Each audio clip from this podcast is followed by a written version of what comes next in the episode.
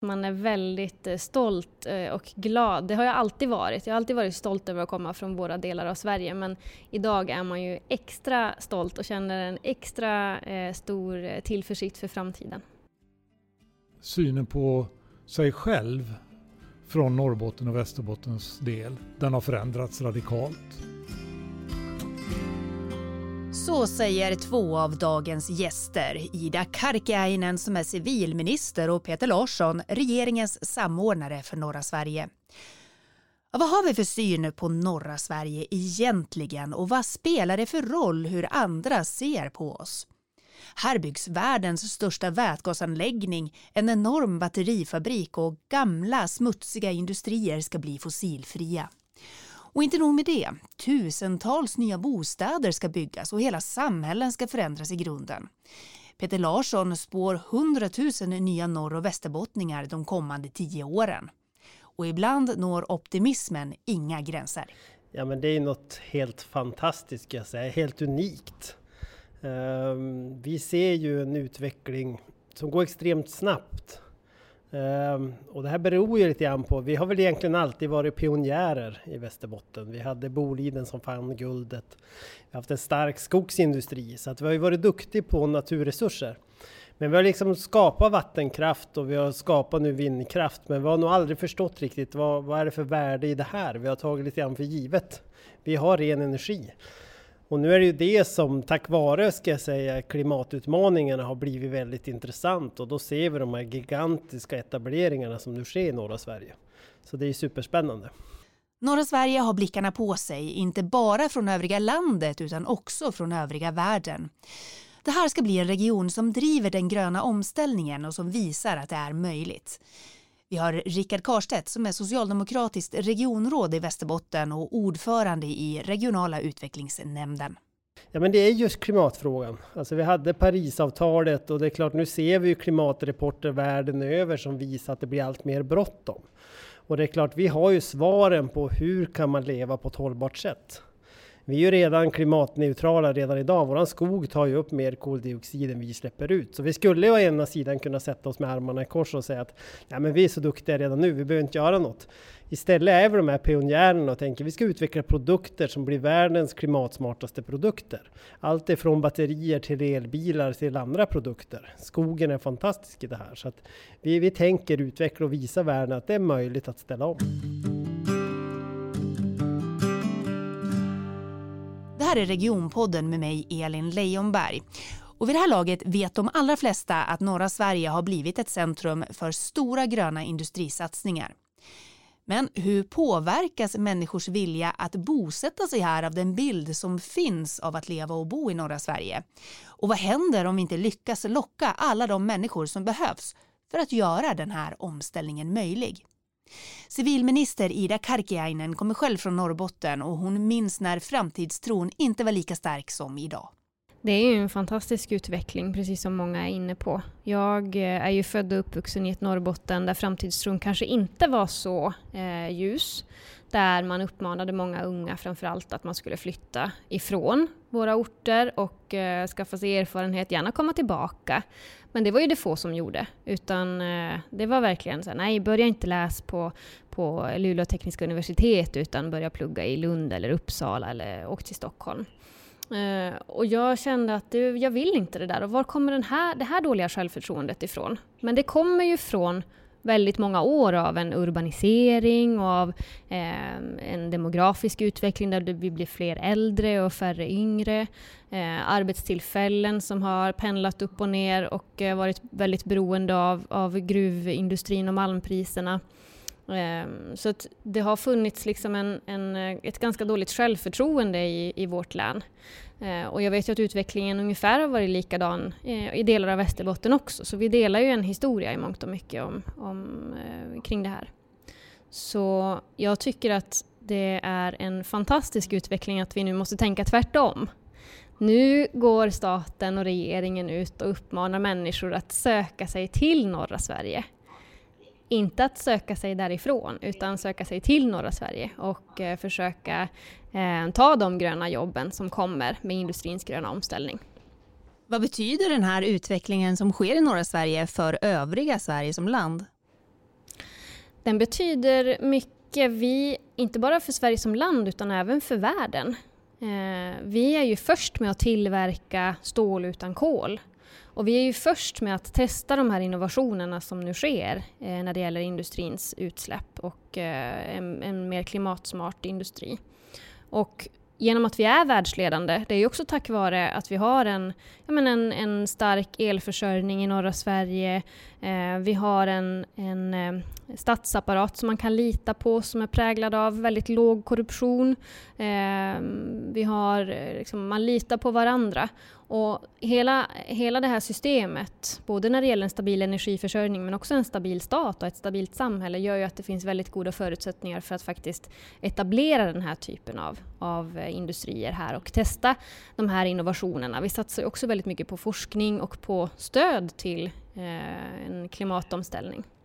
Jag tror att vi står i ett historiskt skifte. Um Norra Sverige exploderade ju under skogsindustrin och gruvindustrin och sen har vi ju egentligen avbefolkningen som man ska vara ärlig, förutom Umeå som sticker ut i det där. Men övriga norra Sverige har ju haft det ganska jobbigt i 30-40 år.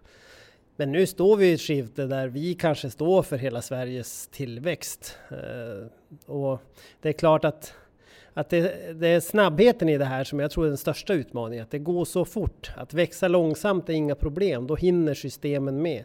Men nu ska vi växa så fort att systemen hinner inte med.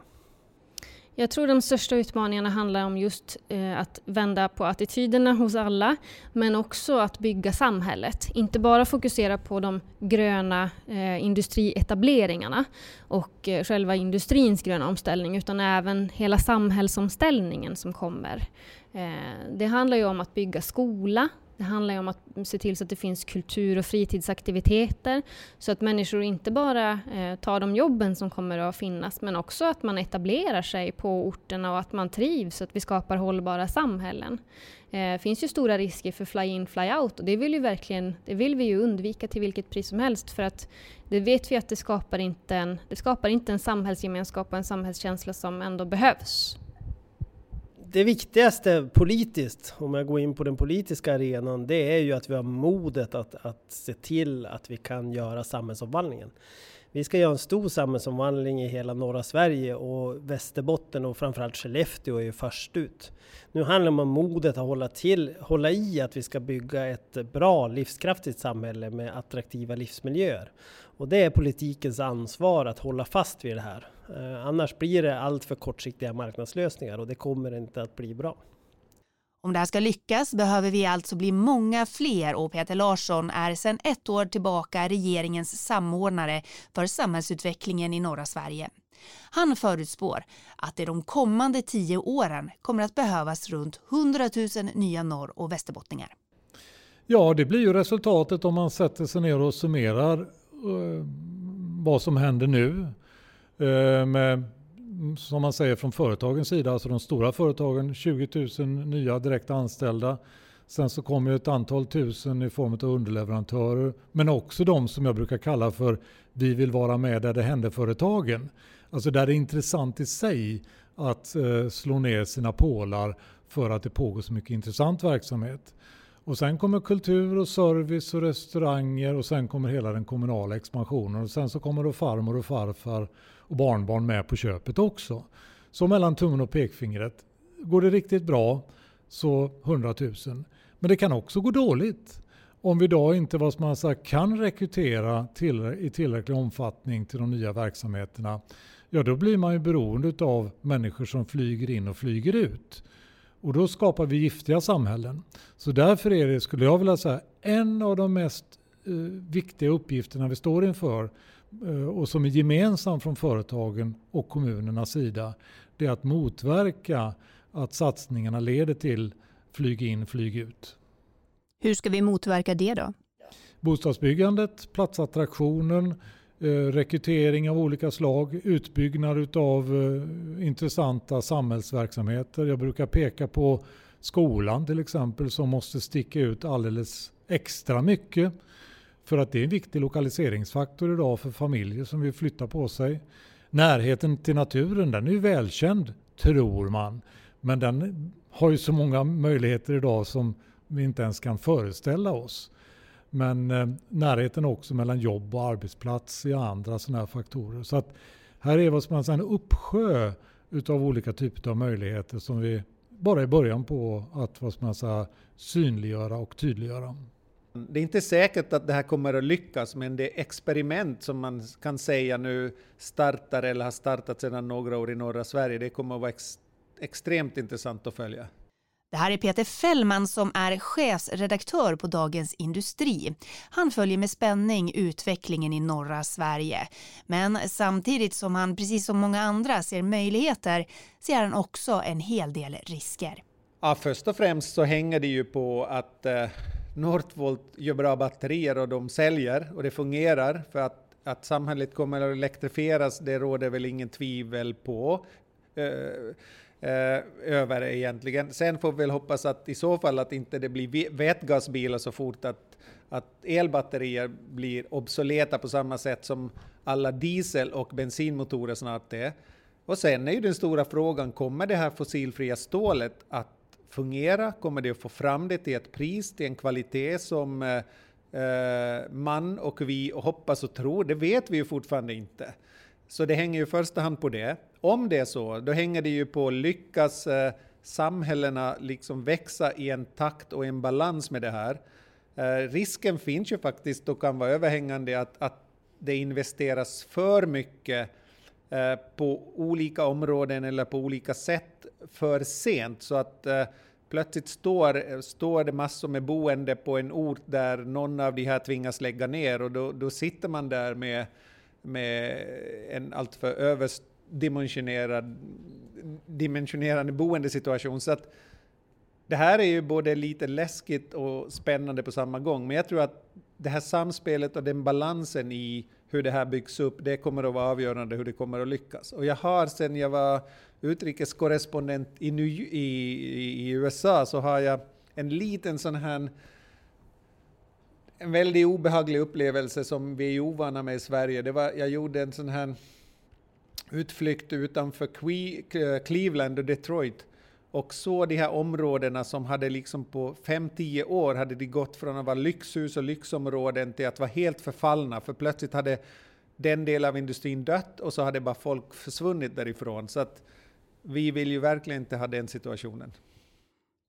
Du målar upp ett litet skräckscenario här. Nej, nej, jag tror, jag är superoptimistisk och tror att det här är, det här är det mest, bland det mest spännande som händer just nu.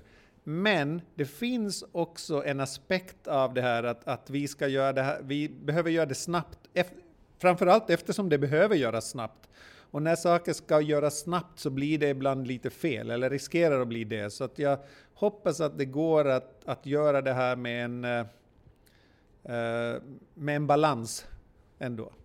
Jag tror det viktiga är att jag tror att vi, vi har många lösningar, men vi behöver hjälp och vi behöver framförallt kanske att staten lyssnar på oss och tror på att vi har lösningar. Richard Karstedt, regionråd i Västerbotten, beskriver hur det fortfarande kan kännas som att gå en boxningsmatch mot framförallt myndigheter som inte förstår vilka satsningar som krävs och de utmaningar som kommer när en region växer så snabbt. För det är bara att ta vuxenutbildning till exempel när vi pratar utbildningssystem. Skulle vi eh, stressa upp befintligt system med den här snabba tillväxten, då raserar vi hela systemet. Så vi behöver bygga nya utbildningar, nya blockutbildningar. Vi måste liksom få människor att vilja komma och arbeta och bo hos oss uppe i norra Sverige. Eh, men jag tror att vi, vi skulle kunna lösa det, men vi behöver stöttning och hjälp. Känner du att du har den stöttningen? Ja, men jag tycker inom politiken, jag tycker att regeringen faktiskt lyssnar. Men staten är så mycket mer än en regering. Vi har alla myndigheter och här tycker jag inte att vi har kommit dit jag skulle vilja vara. Senaste exemplet även när Trafikverket eh, rapporterar sin syn på att snabba upp infrastrukturen i norra Sverige och man försenar Norrbotniabanan med tiotals år. Då har man liksom inte förstått vår utmaning. Om det blir så, vad innebär det då för den här omställningen Ja, men jag, alltså, jag tror, det som händer, det händer. Alltså Northvolt ska anställa tusen nu personer 2022. De kommer anställa dem. Jag är inte orolig för det. Eh, men problemet är ju att marknads, marknadslösningar brukar ju vara att det blir fly-in, fly-out, man bygger ut Skellefteå flygplats, man flyger folk, man flyger hem dem. Eh, samhällena i sådana situationer brukar inte heller bli särskilt lyckosamma. Vi vill ju bygga ett hållbart samhälle där du kan bo och skapa ett, ett bra liv med attraktiva livsmiljöer och så vidare. Eh, och det är det som liksom vi måste ha modet att driva på nu så att vi hamnar där. Ida Karkiainen, civilminister. Delar du Rickards bild av hur viktig Norrbotniabanan är? Absolut, jag har väntat på Norrbotniabanan länge.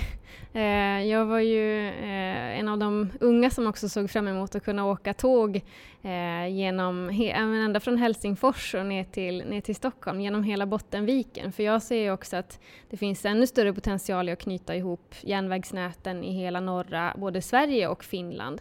Och då har vi eh, också potential att eh, bidra till exporten ännu mer än vad vi gör idag. Eh, och inte bara exportera gods och jobba med godstrafiken utan även med persontrafiken så att man kan ja, men, knyta ihop våra, våra universitetsstäder till exempel och eh, ha ett eh, betydligt större studentutbyte men också en större arbetsmarknadsregion. Eh, så att jag hoppas på Norrbotniabanan men jag hoppas också på övrig infrastruktur såklart. Eh, för att vi ska kunna få de här kritiska eh, investeringarna så krävs det också att vi har eh, dubbelspår på Malmbanan som är en viktig flaskhals, eller som är en flaskhals idag som vi behöver investera i. Norrbotniabanan är ju på G och den har börjat byggas mellan Umeå och Dova. Eh, men än så länge så är det ju faktiskt bara en bråkdel av Norrbotniabanan som är finansierad. När kommer pengarna? Nej men det är klart att de här, det är väldigt mycket pengar det handlar om och att finansiera allting över en statsbudget det är kanske inte görbart för då är det en massa andra satsningar som också behöver stryka på foten utan det här är ju en långsiktig investering som behöver göras. Men eh, där har ju Socialdemokraterna och vi som parti under vår kongress också fattat beslut om att vi är öppna för en lånefinansiering av just den här typen av stora eh, industrietablering eller stora eh, infrastrukturetableringar som kommer att behövas. Och även regeringens samordnare Peter Larsson håller med om att Norrbotniabanan är viktig. Den har redan stor betydelse. Ska jag säga. Bara det att den, det finns ett klartecken för Norrbotniabanan så kommer man att inrätta vad man säga, mycket av eh, exploateringar och annat utifrån Norrbotniabanan. Det kommer bli en helt ny pendlingsregion mellan då eh, Örnsköldsvik och, eh, och Luleå. Eh, som kommer att skapa stora möjligheter. Eh, så att den har påverkan redan idag, men det är klart att när den finns fysiskt så kommer den att ha ännu större påverkan naturligtvis. Sen du tog det här uppdraget, har din bild av eh, norra Sverige förändrats någonting? Idag är det så att det är de stora industriinvesteringarna som har fått upp ögonen på väldigt många människor i södra Sverige. Där man säger oj, vad är det som pågår för någonting? Det är jätteintressant de är en slags katalysator för att också göra väldigt många andra saker när det gäller vad man säger, hela samhällsomvandlingen. Och därför när jag har gått in nu i 2022 så säger jag att nu vet alla om att det är batterier och det är stål och det är gruvor. Nu gäller det att ha fokus på de andra verksamheterna som också ska lockas till de här platserna. Men framför allt att vidareförädla platserna och göra eh, göra det synligt internationellt och nationellt för den attraktivitet som växer fram på de här platserna idag. Mm. Upplever du att, eh, att bilden har ändrats bland exempelvis riksdagspolitiker och eh, Stockholmsbaserade myndigheter? Ja, till del, ska jag säga. Fortfarande är det lite exotifiering. Alltså det, eh, det är därför det krävs nästa steg för att visa på de mer de djupgående processerna som behövs. Eh, det är lite grann oj, titta så mycket som händer i norra Sverige. Och den är lite dubbelbottnad för den, den består ju också i som jag sa, 50 år av dåligt samvete. Att inte hela Sverige har växt. Och pratar vi om norra Sverige så har det ju varit en, en, eh, en utveckling som rent demografiskt inte har varit så bra. Även om man inte på totalen kanske har minskat så mycket tack vare Umeås tillväxt så har ju demografin inte varit särskilt bra. Alltså att vi har, den har blivit allt äldre, befolkningen. Eh, men eh, nej, jag skulle nog säga att det, det, krävs nog lite till. Att man från vad man säga, södra Sverige ska förstå sig på vad det är faktiskt som händer i norra Sverige. Varför är det så viktigt då att eh, förändra den här bilden? För att den, eh, det kommer att krävas lån. Det kommer att krävas andra typer av investeringar än de som är bundna till de här stål och batteriföretagen. Eh, så att synen behöver förändras radikalt. Eh, eh, det behöver byggas nya typer av bostäder för att klara av befolkningsökningen men också visa upp en ny attraktiv bild naturligtvis. Så det är viktigt av många olika skäl. Peter Fällman, chefsredaktör på Dagens Industri. Utifrån ett medieperspektiv, vad skulle du säga är det mest intressanta med norra Sverige och den utveckling som sker här just nu? Om jag tittar utifrån Dagens Industris medieperspektiv så är det ju utan tvekan, och det tror jag nästan det är alla kategorier, det som händer inom industrin i norra Sverige och framförallt inom eh, den fossilfria industrin, eh, och det som har hållbarhetsförtecken genom, som startade med Northvolt och eh, nu med de fossilfria stålverken som håller på att färdigställas och byggs. De här investeringarna och satsningarna, det kommer också in väldigt mycket privat riskkapital så öppnar dörren för att eh, jag jag, jag, vi brukar kalla det på det nästan industri 2.0 för, eller 3.0 kanske det är i Sverige. Så det här är extremt intressant. Det är inte bara för norra Sverige utan för hela landet, Europa och faktiskt också globalt väldigt intressant. På vilket sätt skulle du säga att det påverkar övriga landet, Europa och globalt? Nej men det är ju alltså, det är klart, batteri tillverkning på det sätt som Northvolt gör nu, det är ju inte Northvolt först med, men det är ju ändå tidigt i elektrifieringen av samhället och elektrifieringen av vår bilpark. Så det här är ju också tidigt och jätteintressant projekt. När det gäller eh, de fossilfria stålverken och försöken på det här, det är ju globalt sett först, så att det är klart att det blir ledande. Kommer det här att lyckas kommer det ju vara ledande för hela stålindustrin globalt sett. Vem i den här hållbarhetsvärlden vi lever i och som kommer att accentueras år från år vill inte ha en fossil, eller fossilfritt stål i sin bil, eller i sin lastbil, eller i sitt tåg, eller i sina båtar. Så att det här är ju början på någonting som ju är superintressant. Och som sagt, när vi nu har då så att säga de här två områdena, då är jag säker på att det finns många grupper som sitter och funderar på hur kan vi skapa en helt fossilfri skogsindustri eller gruvnäring eller, och så vidare. Så att därför tror jag att det här, vi ser bara början på någonting nu som, som kommer att vara otroligt spännande att följa. Mm. Eh, hur skulle du säga att eh, eh media, alltså den bild som skildras i media påverkar en region? Nej, jag tror att mediebilden är jätteviktig. Vi lever i en medievärld på ett sätt och då kanske det inte bara är tidningsvärld eller den media som vi är traditionella media, men om man tar in eh, alla alla olika plattformar som folk agerar på i sociala medier så här så är ju på gott och ont så påverkar ju eh, uppfattning, påverkas man ju jättemycket av uppfattningar om saker och ting, fördomar om saker och ting som det också blir. Eh, och eh, jag tror att, och jag är ganska övertygad om att vad vi media täcker, och skriver, även traditionella, eller framförallt traditionella faktiskt, hur vi täcker och hur vi rapporterar om olika orter, som norra Sverige i det här fallet, är kommer att vara väldigt avgörande. Och där har det säkert funnits en sån här, nu ska vi berätta om rennäringen och så gör man roliga historier om renar som springer, som springer vilse eller vad det nu är. Så ska jag säga, åtminstone i vår värld på Dagens Industri så är det här riktigt på riktigt som sker nu. Det, det är som jag sa, det är inte någonting som kan vara avgörande bara för norra Sverige utan det är, det är för hela landet och mer därtill. Nu har vi ju då Jens Scherman och, eh, på plats och håller på att bygga upp det så att vi både eh, har folk på plats där konstant men också gör de här resorna med våra experter inom olika områden eh, när, det är, när det är behov av det. Vad gör det för skillnad att finnas på plats? Men det är klart, det gör en, eh, en jättestor skillnad. Till exempel de krönikor som eh, Jens skriver också nu hos oss för att eh, försöka, för där vi ska försöka följa den här ska jag säga, transformationen på ett sätt, vilket det ändå är av norra Sverige, är ju jätteintressant. Hur kommer det här att lyckas? Hur ska man kunna göra det här i takt med att bygga ut infrastrukturen, boendet, få tillräckligt mycket talang till norra Sverige och få allt det här att gå i takt. Det, är ju, det kommer att bli fantastiskt eh, roligt och intressant att följa. Ja, i en tid när allt fler journalistiska redaktioner har lämnat norra Sverige så satsar nu alltså både Dagens Industri och Dagens Nyheter på närvaro. Dagens Nyheter etablerar redaktioner i både Umeå och Luleå och det här är Martin Jönsson som är redaktionell utvecklingschef på Dagens Nyheter.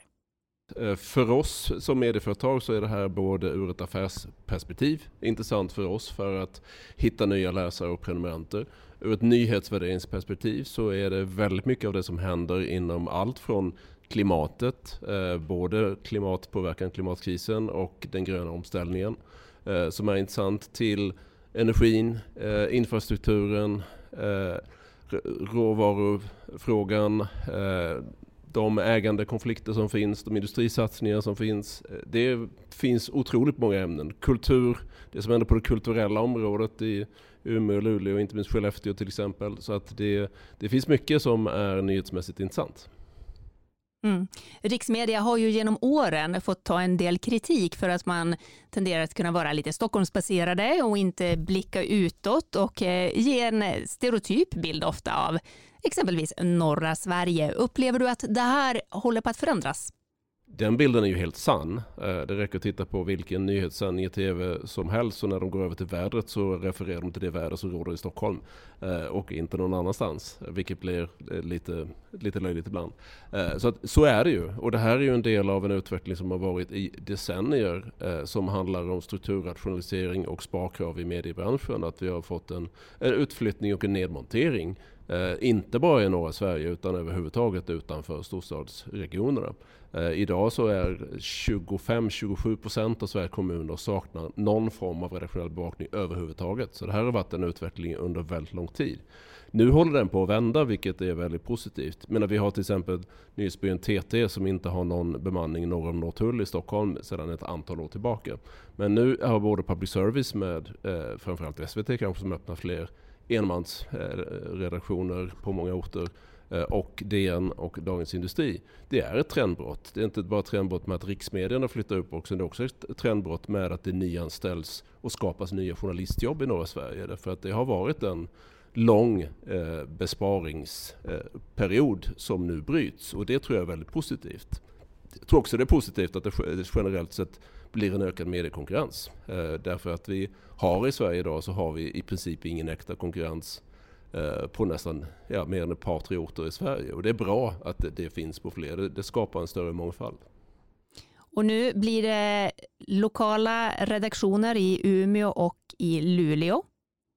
Ja, vi kallar dem inte lokala redaktioner för vi säger att vi är inte på plats i Göteborg, Malmö eller Luleå och Umeå för att göra lokaljournalistik. För det finns det de som gör så mycket bättre på plats. Utan vi är där för att göra journalistik för en rikspublik. Nämligen för att alla DNs läsare eh, är intresserade av det som händer i fler delar av Sverige. Och därför så eh, behöver vi vara på plats med folk som eh, har kunskapen, som har nätverket och vi behöver kontinuiteten i att finnas. Därför vi har naturligtvis varit uppe och gjort många reportage i norra Sverige genom åren och inte minst senaste året. Men det blir något annat när man är på plats och har personer som, som har de här upparbetade nätverken. Så när vi rekryterar så letar vi ju också folk som de som vi har anställt till exempel i norra Sverige, de kommer från Gällivare, Storuman, Kalix, eh, Luleå, Örnsköldsvik och så vidare.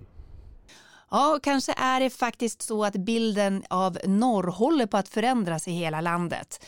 Peter Fällman på Dagens Industri ser fram emot att bevaka omdaningen av norra Sverige. Nej, jag tycker bara det här är jätteroligt. Jag hoppas och tror och lovar att vi från Dagens Industri vill vara med om det här. Vi vill eh, vara med och bevaka det här och vi vill stödja det här och hoppas att det lyckas på alla sätt och vis. Tycker det här ska bli superspännande. Ibland kommer vi att rapportera och skriva lite kritiskt om det här och lite hårt, men det hör till vårt uppdrag. Det är så spelet, spelet går, så jag hoppas alla förstår det. Så, hoppas, så ett stort lycka till! Och det var allt för det här avsnittet som spelades in under invigningen av Västerbotten på Grand. I nästa avsnitt ska vi prata fjärrundervisning. Vi hörs då och tack som har lyssnat.